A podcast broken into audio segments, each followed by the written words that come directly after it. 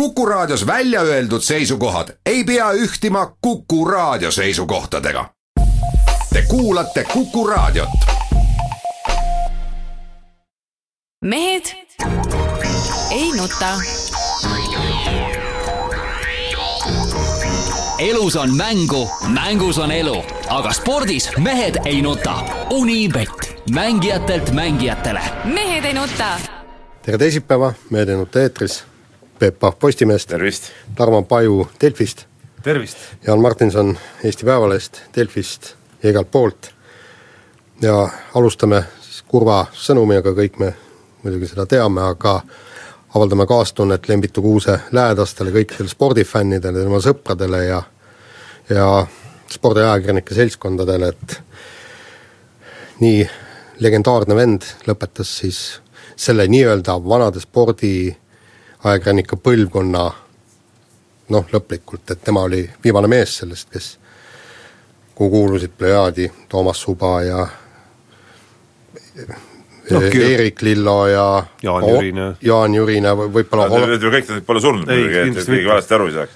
Aga, aga, aga, aga ütleme, Lembitu siis püsis nagu lõpuni sadulas, et, et see viimane intervjuugi, mis mis tehtud oli, et see oli nagu, nagu kõva asi tegelikult, et ütleme No sama kõva asi- sellises olukorras see mees võttis kätte ja tegi veel selle Tänaku viimase intervjuu ära.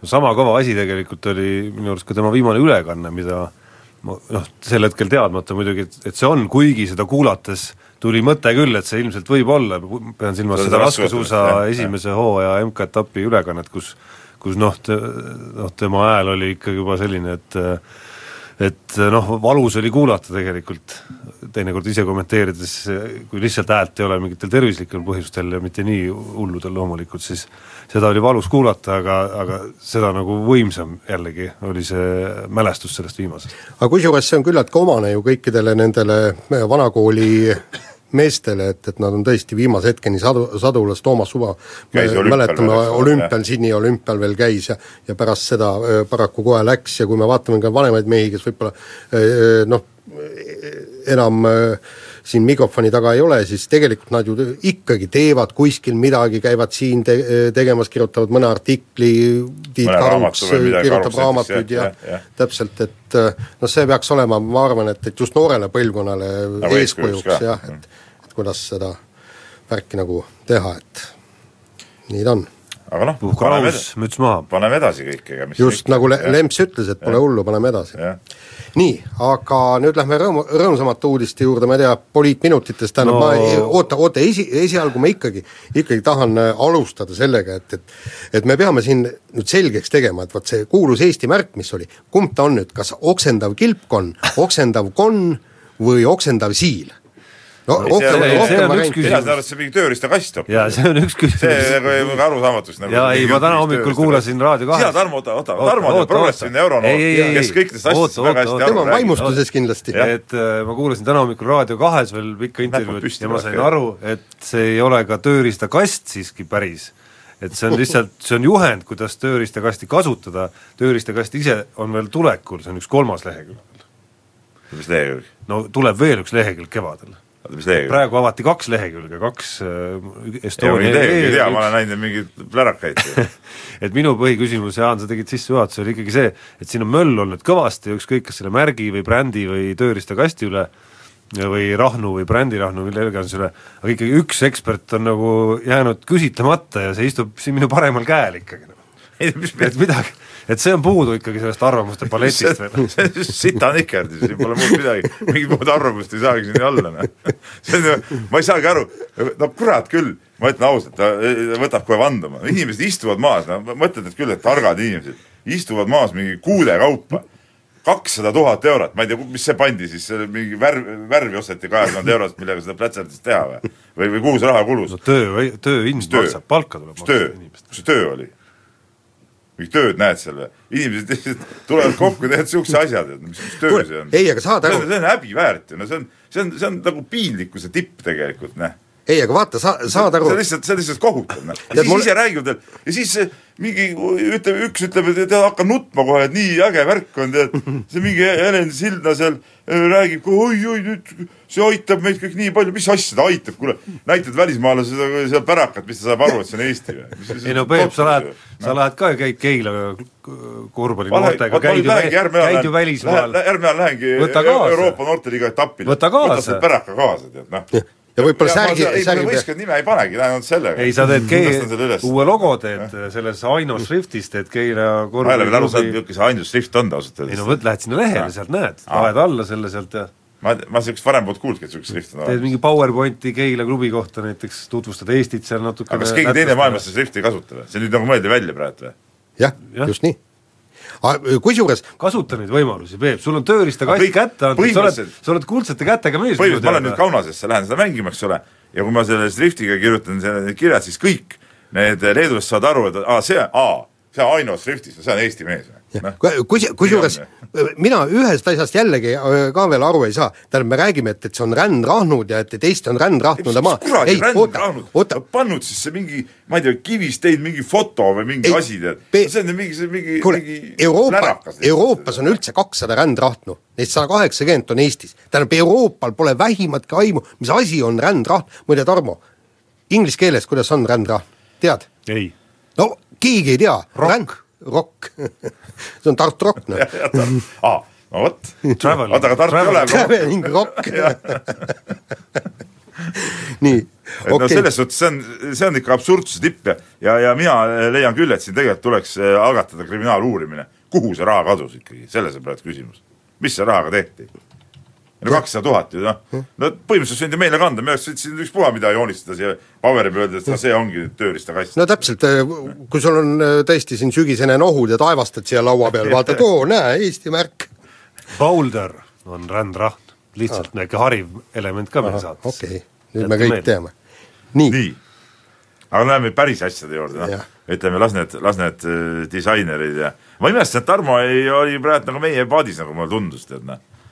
No mis ma oskan öelda, see on nii äpardunud äh, noh, nagu juhtum ise on juba nii äpardunud, et äh, ma ei tahaks hüpata sellele reele, et hakata siin ainult sellest rahnust rääkima, mis tõesti oli mingi üks väike õnnetu detailikene seal. kus see detailik oli siis? no selles mõttes jah, ta iseenesest nagu oli detailik, aga samas oli seesama detail miskipärast kõige suuremalt lastud sinna välja trükkida ja kohe ukse juures, kui ajakirjanikud kohale kutsuti, oli see kõige suuremalt seal virnas.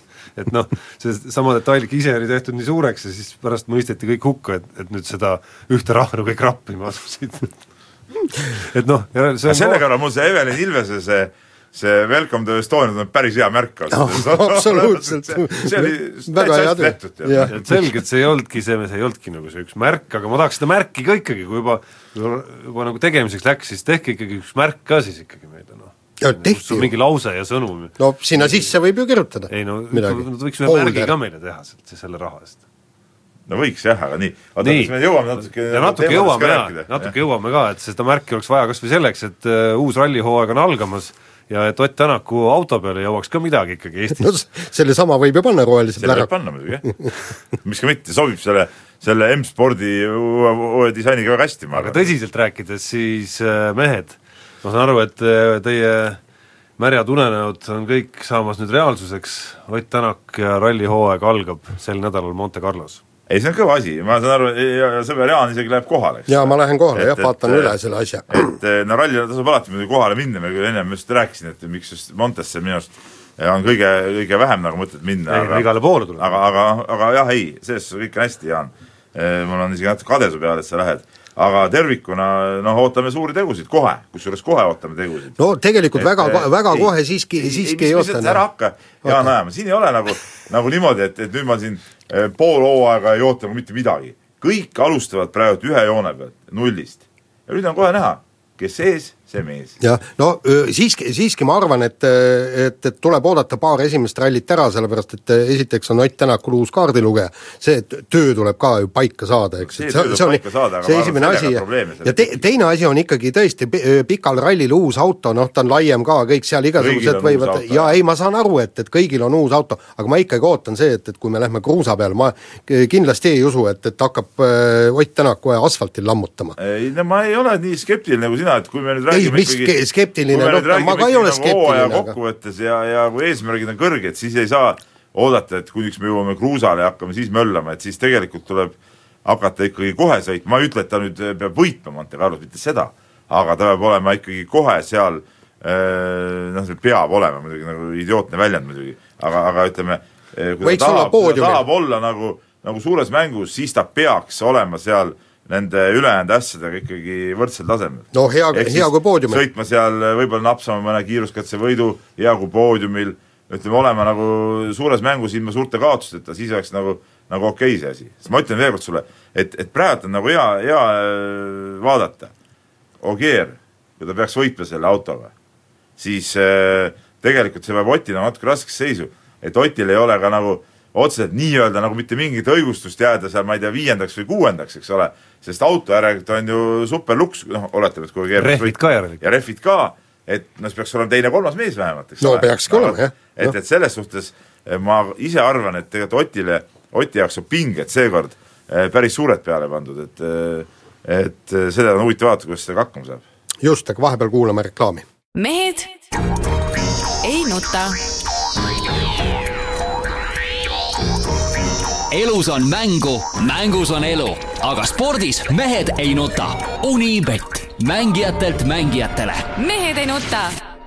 jätkame see saadet kiire vahemänguga ja lähme vehklemise radadele ja Youtube'is ülita-, ülitati siis äh, EP naiskonna peatreenerit Kaido Kaabermat mõnitav video. aga see oli suht lame värk no see, see tegelikult see no. tegelikult eh, sellise asja tege-, tegemine, no öö, ole nüüd aus, kes tegi ja ütle välja ka, et mina tegin. no vot, aga kardavad, no kardavad seda ma räägingi, seepärast ongi nagu lame.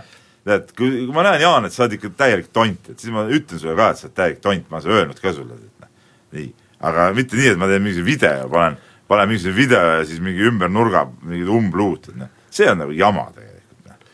ma isegi nagu üllatusin, et sa kuidagi nii pehmelt ennast väljendasid, et ma natukene vaatasin seda videot, algul jah, olid mõned võib-olla muhedamad kohad, aga mida minut ma isegi ei vaadanud, ma tunnistan mida minut edasi, seda lugesin, mis seal on. seda rohkem oli valdav see tunne, et mis kuradi idiootsus, vabandust, vabandust jah, nüüd vanaema kuulab muidugi, nüüd on jama, mis idiootsus mis idiootsus see on, millega te tegelete, inimesed, noh?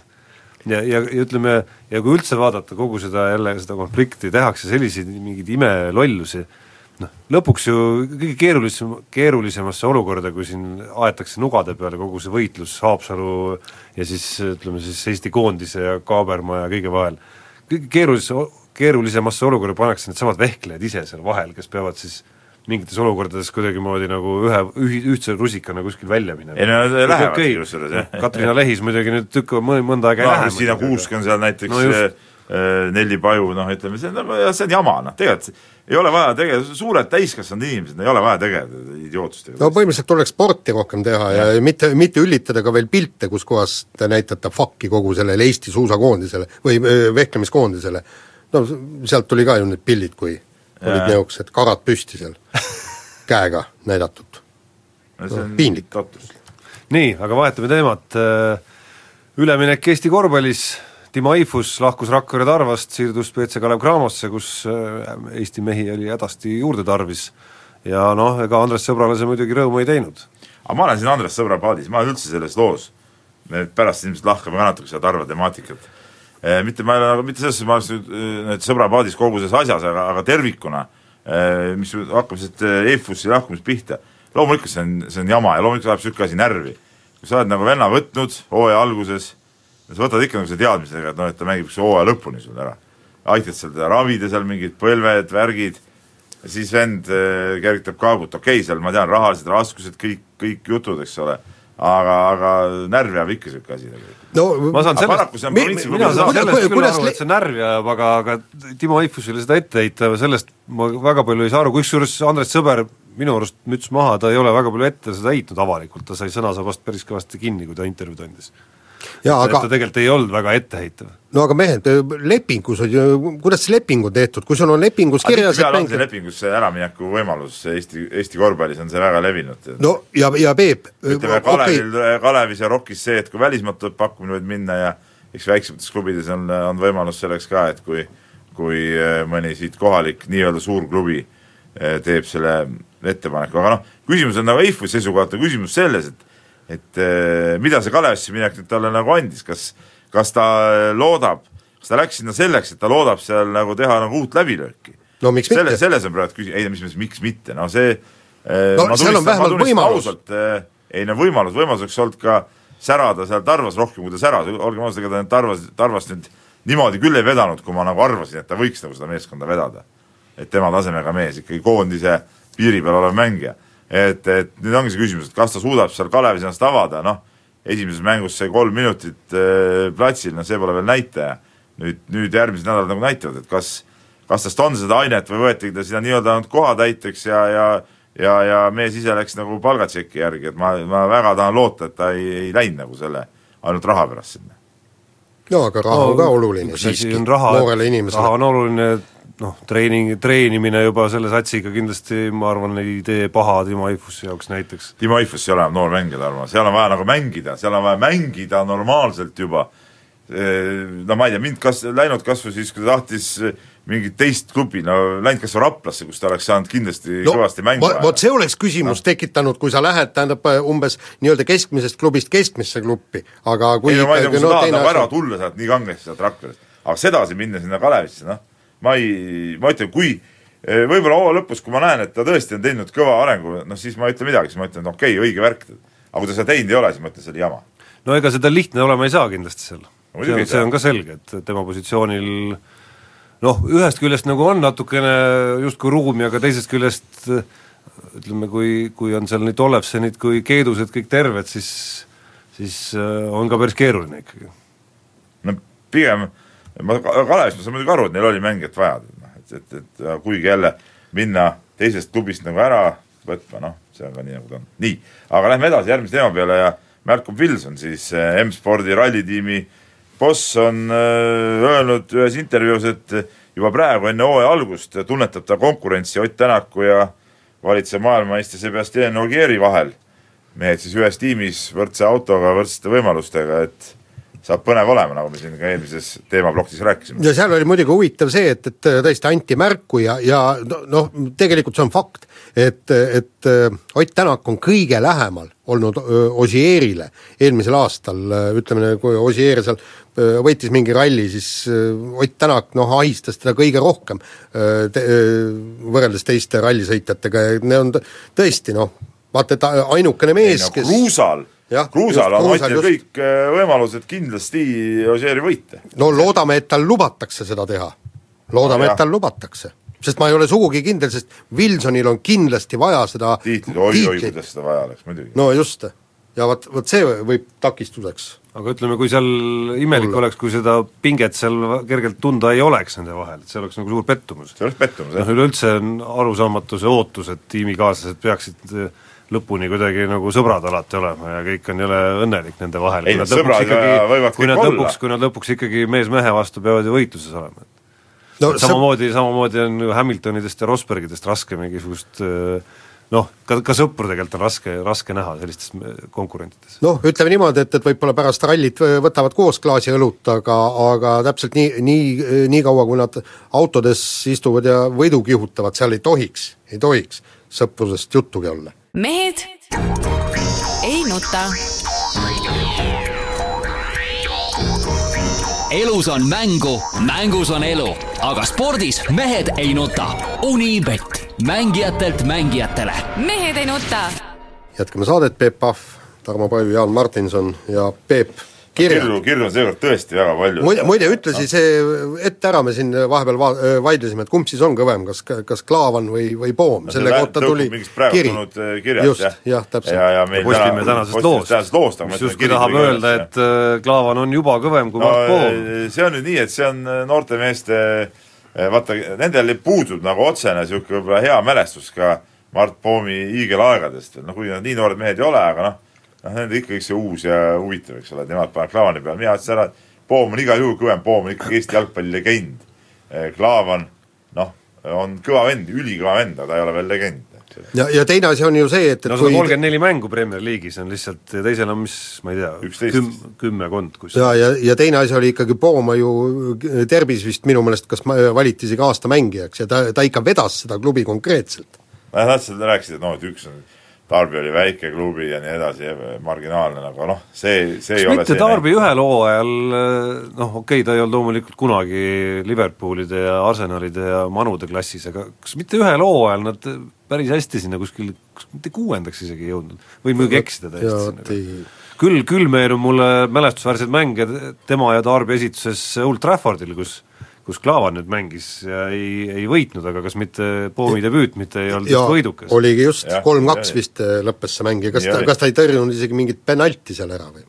see oli, see oli kõva, see oli, see oli asi, mida isegi mina nagu mäletan. no oli see Old Traffordil või oli see kodus, vot seda ma ei mäleta. seda ma ei mäleta, aga see, et ta, et see niisugune mäng oli, seda ma mäletan. nii.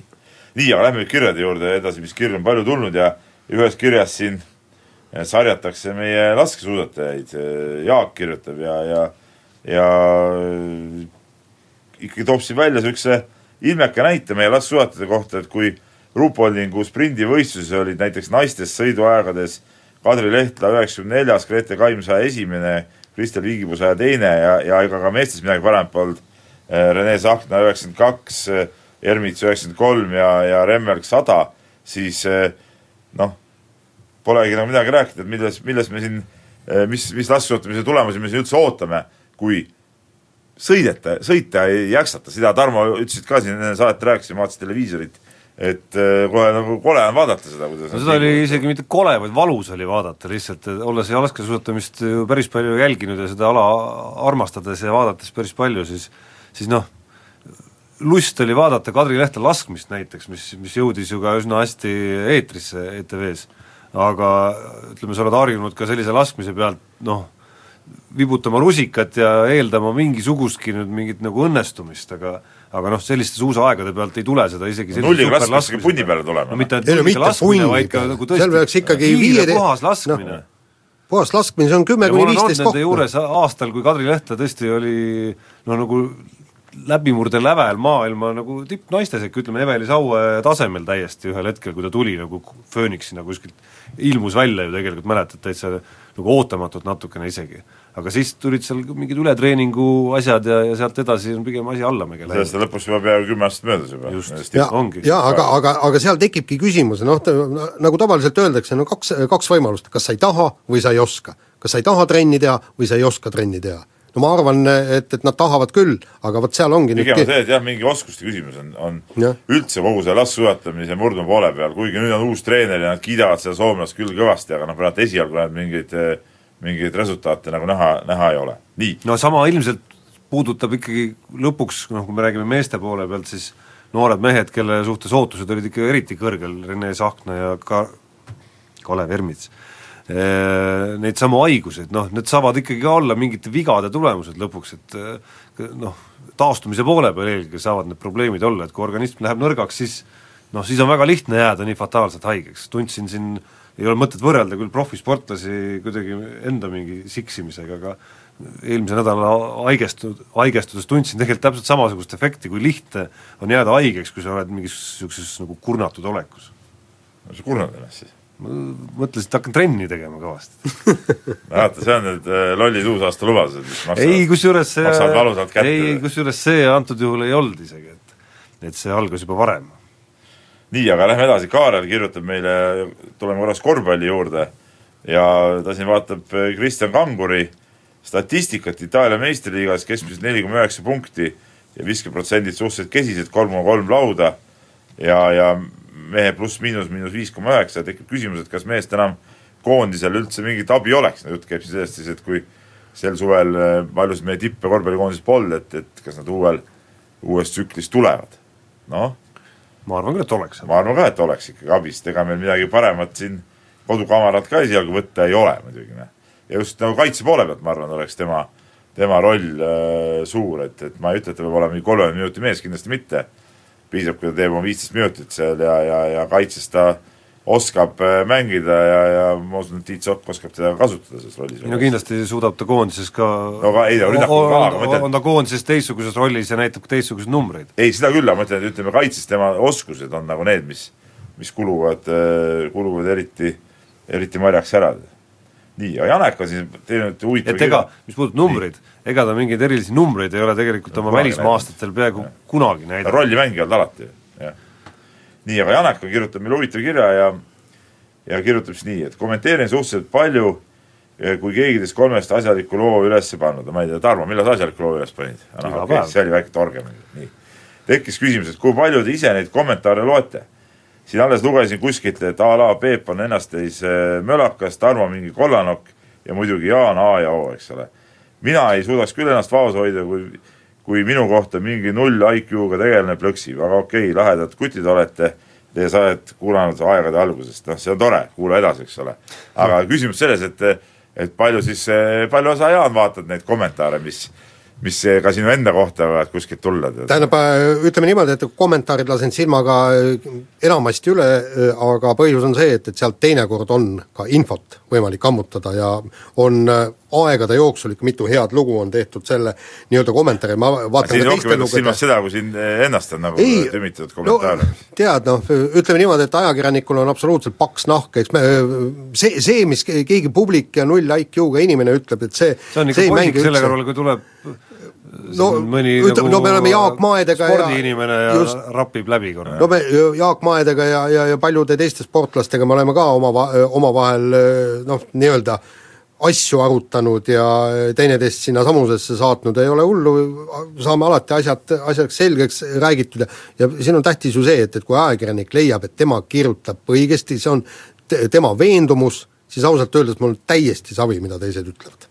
Jah, ei mina olen äh, selles suhtes, kui vanasti Postimehes ka kommentaarid olid nii-öelda avatud, siis kommentaare ikka oli ka, ütleme nüüd tänapäeval enam Postimehes eriti palju kommentaare pole, et äh, ikka ka vaatasid vahest just seesama mõttega, mis sa ütlesid, et et äh, sai mingeid huvitavaid äh, nüansse sealt, küll aga pean tunnistama, no Delfi on siin muidugi mind kõvasti promonud mingite muude lugude ka vahest. Mm, -hmm. neid kommentaare ma väga ei kipu nagu lugema, no milleks ennast nagu, no mi- milleks noh.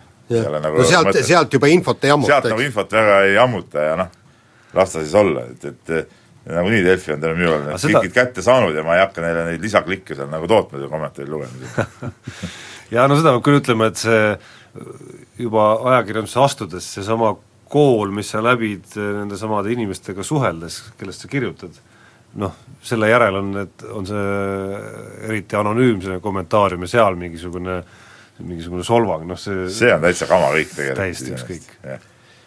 nii, aga ma ei tea, lähme, lähme teemade juurde, osad kirjad jäid küll läbi võtmata, aga peame, peame võtma siin teemasid ka, nii et Jaan.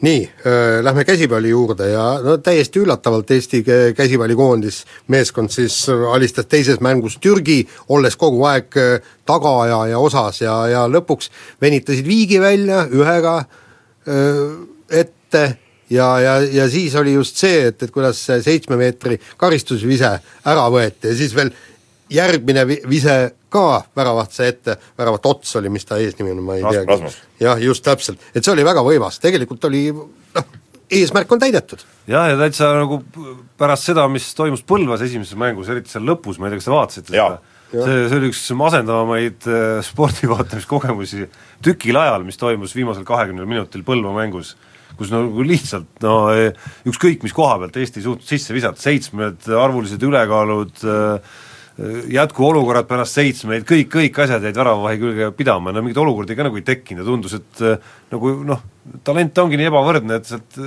sellest paarist nagu Eestil selles koosseisus polegi asja nagu edasi saada, aga nagu näha, oli see mulje ekslik ikkagi. nojah, aga pigem oli küsimus selles, et et äh, kui sa räägid, Jaan, sa ütlesid üllatav, üllatav pigem see, et Eesti üldse nii kehvasti seda valiksarja mängis, okei okay,, paljud olulised mängijad olid puudu, aga ikkagi isegi selles koosseisus, mis praegu oli, on ju paljud, kes mängivad välisklubides, on täitsa normaalsel tasemel äh, käsipallurid ju. No. et, et tegelikult Eesti noh, oleks pidanud seda mängu mängimagi heal tasemel. Ja jumal tänatud, nüüd edasi saadi, et oleks nüüd ka jälle kaotatud ja peaks edasi saadud, siis oleks nagu, nagu selle põlvkonna jaoks see koondise värk olnud nagu täitsa, täitsa kadunud, et nüüd on nagu võimaluse ainult mängida, okei okay,, on ta nüüd kolme aasta pärast see finaalturniir või, või kus iganes, et sa tahad mingit normaalset valiksarja ka mängida ja jälle. nüüd tuleb aasta pärast nagu normaalne jah, ma räägin, normaalne valiksari, jah, jah. no ja, ja aga nüüd tulekski sinna va- valikturniirile oleks vaja tõesti parimad kokku saada, vennad vormi viia, sellepärast et nüüd on ju EM-il vist kakskümmend neli meeskonda, eks. et, et ütleme teha ka nii, et nad motiveeritud oleks mängima. just, ja, ja, ja neil on täiesti reaalne võimalus eh, EM-finaalturniirile esmakordselt saada. Kuigi ega ma ütlen, et ajakirjanik oma loomusest on nagu, nagu paha, et, et et mul oli nagu peas oli valmis juba see loo, loo raamistik nagu sellest, kuidas Eesti käsipall äh, mälestusväärsest mängust kaks tuhat üksteist, kui kui nad olid ühe võidu kaugusele, jäid finaalturniirist, kuidas see allakäik siis lõppes nagu seal Türgis, mul oli nagu see lugu, ma oleks seda eile hakanud äh, kirjutama ja, ja mul see lugu oli nagu peas olemas, aga Riku- rikkusid ära su loo. ära nii-öelda, sa- aga, samas mul on muidugi hea meel, et ära et sa ütlesid, et Eestil on neid noh, nii-öelda mängumehi küll ka ilma Patrailide ja Jaanimaadeta, aga noh, eks Türgil ikkagi on ka neid Ei, muidugi on, jah.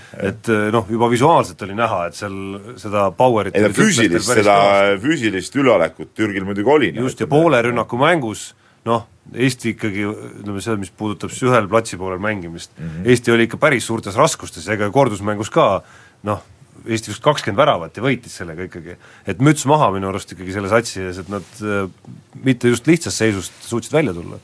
no nii, teeme vahepeal ühe reklaamipausi, siis räägime edasi. mehed ei nuta. elus on mängu, mängus on elu, aga spordis mehed ei nuta. Unibet, mängijatelt mängijatele mehed ei nuta. Oleme totaalses ajahädas. Nagu alati. nagu alati, aga aga isegi suuremas vist kui tavaliselt, et lähme ki- kiiresti edasi. kiiresti, jah, jaa, räägi räägi nii aeglaselt, selles on asi. just, Kaarel Nurmsalu naasis üllatuslikult hüppemäele ja oma teisel MK-etapil pääses ka põhivõistlusele. no põhimõtteliselt sealt on äh, kohe näha, et, et vend on hüppemees, aga ta ju võitis ka Eesti meistrivõistlused ära, vist oli eelmine aasta Jah. või üle-eelmine aasta, ma ei, ei mäleta. eelmisel hooajal. ja eelmisel hooajal jah, ja põhimõtteliselt äh, hurraa ja vaatame, kui vaatame, kaua see hurraa kestab muidugi, et esimese hooga tundub tõesti ikka väga hurraa, et toetajad on kõik olemas, mis vanasti puudu olid, kõik tingimused on loodud, kaalu jälgimine on nii lihtne, mis vanasti oli nagu ületamatu raskus ja sundis mehe peaaegu ainu nii-öelda põhipõhjus, miks, miks loobu, miks ta loobus kusjuures enne oli ta ju Soome koondise juures treenis, nüüd on treener päriselt tema päralt, nüüd on Suuda firma täiega seal taga, saab tasuta nii aga palju eesmärgi mees ütles muidugi ikkagi raju välja, noh, ikkagi neljas koht on jama. ja ta ju ütleski, et neljas koht on sama, mis see on päris raju, neljakümne raju kaheksas. värk, tead noh. Aga no selge see, et, et kui ta nüüd natukenegi suudab siin esimestel võistlustel veel eh, olla, ütleme, pildis, siis ütleme noh, ta nagu elavdab seda talispordi hooaega meil ikka päris kõvasti. väga kõvasti, lihtsalt ütleme, küsimuse koht tekib, et kas ta ikka nii lihtne saab olla, et, et lihtsalt tulen ja Õige. ja teen ära selle kõik, mis, mis vanasti Jäi tegemata tegemata. jäi, et et ütleme, see, ütleme, see tase, et kuskil sealt tõusta, ma ei tea, esikümne lõppu või teise kümne algusesse, noh, see tundub selline, et, et see peaks kuidagi olema lihtsasti taastatav, aga aga sealt edasi läheb kindlasti palju raskemaks.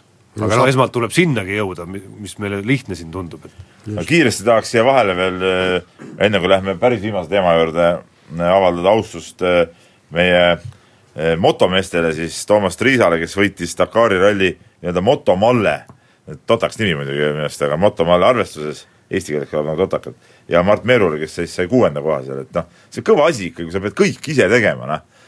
tuled, sõidad selle meeletu päeva ära, jõuad laagrisse, võtad oma kuulsa tööriistakasti, võtad telgi, paned püsti ja putitad ratta ära, sätid kõik korda, noh, saad natuke magada jälle sadulasse ja minema, tead noh, kõik, kõik tuleb ise teha. Jah, aga ta selles on- suhtes see on ikka, see on raudmeeste klass, noh. on, aga ja ta saab alati öelda, et ma olen võitnud Dakari ralli. Jah, kõik, nii punkt. ongi, nii ongi. nii ongi, nii, ja võtame nüüd siis äh, viimase teema ja räägime siis äh, Eesti korvpallist ja eelkõige Rakva-, Rakvere Tarvasest, Peebult oli Eesti korvpallist me kõige rohkem rääkinud siin saates, ma arvan. ja ilmselt küll, aga sul oli läinud nädalal peab ju tasakaalustama Jah. kuidagi seda üldist meediapilti ka sinu väljaandes, kus, kus kuidagi nagu mingi muu ala natukene ruulib. sul oli kaks artiklit, üks on see, et, et Eesti öö, meeskondadesse ei jätku mängijaid ja teine oli siis see, et, et Rakvere Tarvas ja, ja sa arvasid, et, et kogu Eesti korvpall peaks nüüd tulema Rakvere Tarvale appi, ütleme niimoodi, mina jääksin siin natuke teisele se-, seisukohale, ma leian esialgu, et, et ikkagi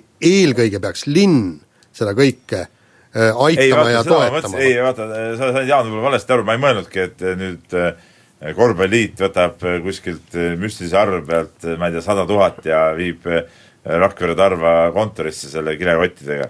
ma ei mõtle seda asja niimoodi, ma mõtlesingi seda nii, et, et noh, tegelikult kõik see abi ongi, seisneb ka selles veenmises, rääkimises, et korvpalliliit võiks tulla ka selle linnaga sinna vestlema, rääkima sellest olukorrast, noh, kõik, kõik, kõik see kõik kokku on see, loomulikult peab, peaks linn seal aitama, sest see on seal linna jaoks nii oluline asi, eks ole.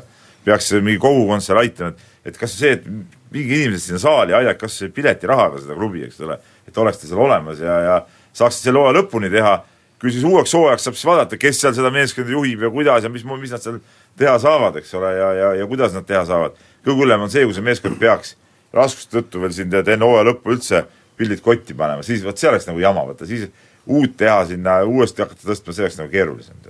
asja mõte ongi see, et kogu korvpalliüldsus, ka kohalikud omavalitsused, kõik peaks nagu nagu selle peale nagu mõtlema tegelikult noh. no jaa, aga kui Rakverel on seda meeskonda vaja, sest noh, kiirelt vaja on seda võistkonda terve Eesti korvpallile muidugi äh,, geograafiliselt. ookeani taga NFL-is kolm meeskonda vahetavad nüüd linna äh, lähimate aastate jooksul ja näiteks San Diego äh, publikule pakuti välja, et, et tõstame hotellide nii-öelda mingisugust maksu natukene ja suuname selle raha staadioni ehitamisse. ja rahvas ütles, et ei ja, ja meeskond uut staadioni ei saa, lähebki minema. kas rahvas tahab, publik tahab seda Rakveres näha, seda meeskonda? no küsi-, just ütleme, kui sa Eesti korvpallikaarti vaatad, siis äh, oleks väga loogiline, et äh, Rakveres või selles piirkonnas oleks üks meeskond ja see oleks ilmselt, ilmselt siiski on loogilisem, et see on Lääne-Virumaal, kui see kui see oleks Ida-Virumaal. kuigi, kuigi ta võiks koondada ikkagi mingil määral ja ta hetkel mingil määral ka koondab, kui vaadata satsi kahte põhimeest, kes üks on ju Ida-Virumaalt äh, Siim-Markus Post ja teine siis on sealtsamast Virumaa palliklubist. et ta võiks, et minu arust see koht Rakvere näol on väga loogiline äh,, korvpallitraditsioon on seal olemas, eriti tugevalt on see nüüd viimase tea, kümnendiga jäädvustatud sinna nagu paigale, et äh, minu arust see, see argument on täiesti täidetud sinna no aga ka, äh, veel kord, kas publik, ja, ja publik tahab? ja publik on olnud Rakveres kohal aastaid päris palju, nüüd on küsimus, miks seda on vähemaks jäänud viimastel aegadel. ja kas siin on mingeid vigu tehtud ja noh, siin ma pean ütlema, et ma arvan, et natukene Andres Sõber on võib-olla sellises noh, võistkonna arendamise ja võistkonnaga maksimaalse tulemuse tegemise ihaluses võib-olla liiale läinud seal legionäride ja ja selliste juttudega, mis, mis on seda publiku arvu võib-olla vähendanud ikkagi lõpuks. pigem no ma arvan, et publik tahaks rohkem näha oma poiste mängimist. no aga oma poiste mängimist ei saa mitte kuskil näha ju, kus sa neid näed, noh siis, siis selle loogika järgi nagu polekski Eestis, ei peaks ühelgi võistkonnal publikut olema. nüüd oma poissi polegi kedagi. kus no, omad poisid on siis? oma, ma mõtlen eestlasi eelkõige. aa, no, no okei okay,, jah aga ideaalis loomulikult ja. päris oma, ehk siis oma kodukandi jaa, ei seda muidugi, ei loomulikult seda on muidugi lihtsam öelda, aga tõesti, ega viima-, needsamad postid ja Saaremäel ja sellised mehed, ega enne seda aastakäikudes nüüd väga palju neid poisse polegi olnud et, Virumaalt, kes küündiks selle Pole olnud väga palju, sinna muidugi on võetud neid Eesti poisse ka. Äh, aga võtame see, kas või see Siim Laur oli mingi hetk, toodi sealt Tiitost ära ja, ja oli see Sander Saare ja mingid vennad on olnud, aga nad ei ole, ütleme, Oliver, no Mets on täitsa oma poiss, tema tuli Ricky Rubio hüüdnime all nagu üles, et, et aga pigem nad ei ole nagu, ei ole nagu välja kandnud ka seda, seda võib-olla niisugust rolli ja, ja ja miks neid legionäre on võetud, ma ütlen, ma seda nüüd otseselt heaks kiidan, et nii palju on, kindlasti mitte, ma olen alati olnud oma mängijate poolt, aga, aga aga Andres Sõber on alati öelnud ka, et, et tulemus, tulemust on vaja selleks ka, et see publik käis, et saaks sponsoritelt raha, vaata kui sa korra tõstsid selle lati juba nii kõrgele, seal oli hõbe, pronks, karikavõit, kõik asjad, eks ole, ja kui sa siis kukud järsku sinna alla, no siis see ei rahulda enam mitte kedagi, tead. ja siis ta natuke kunstlikult võib-olla püüdiski seda latti hoida jätkuvalt äh, kõrgel, noh. et see on, see on mitme otsaga asi, tead, noh. nii, paraku on meie saade lõppenud, kuulake meid nädala pärast ja olge mõnusad. mehed ei nuta elus on mängu, mängus on elu, aga spordis mehed ei nuta. Unibet, mängijatelt mängijatele. mehed ei nuta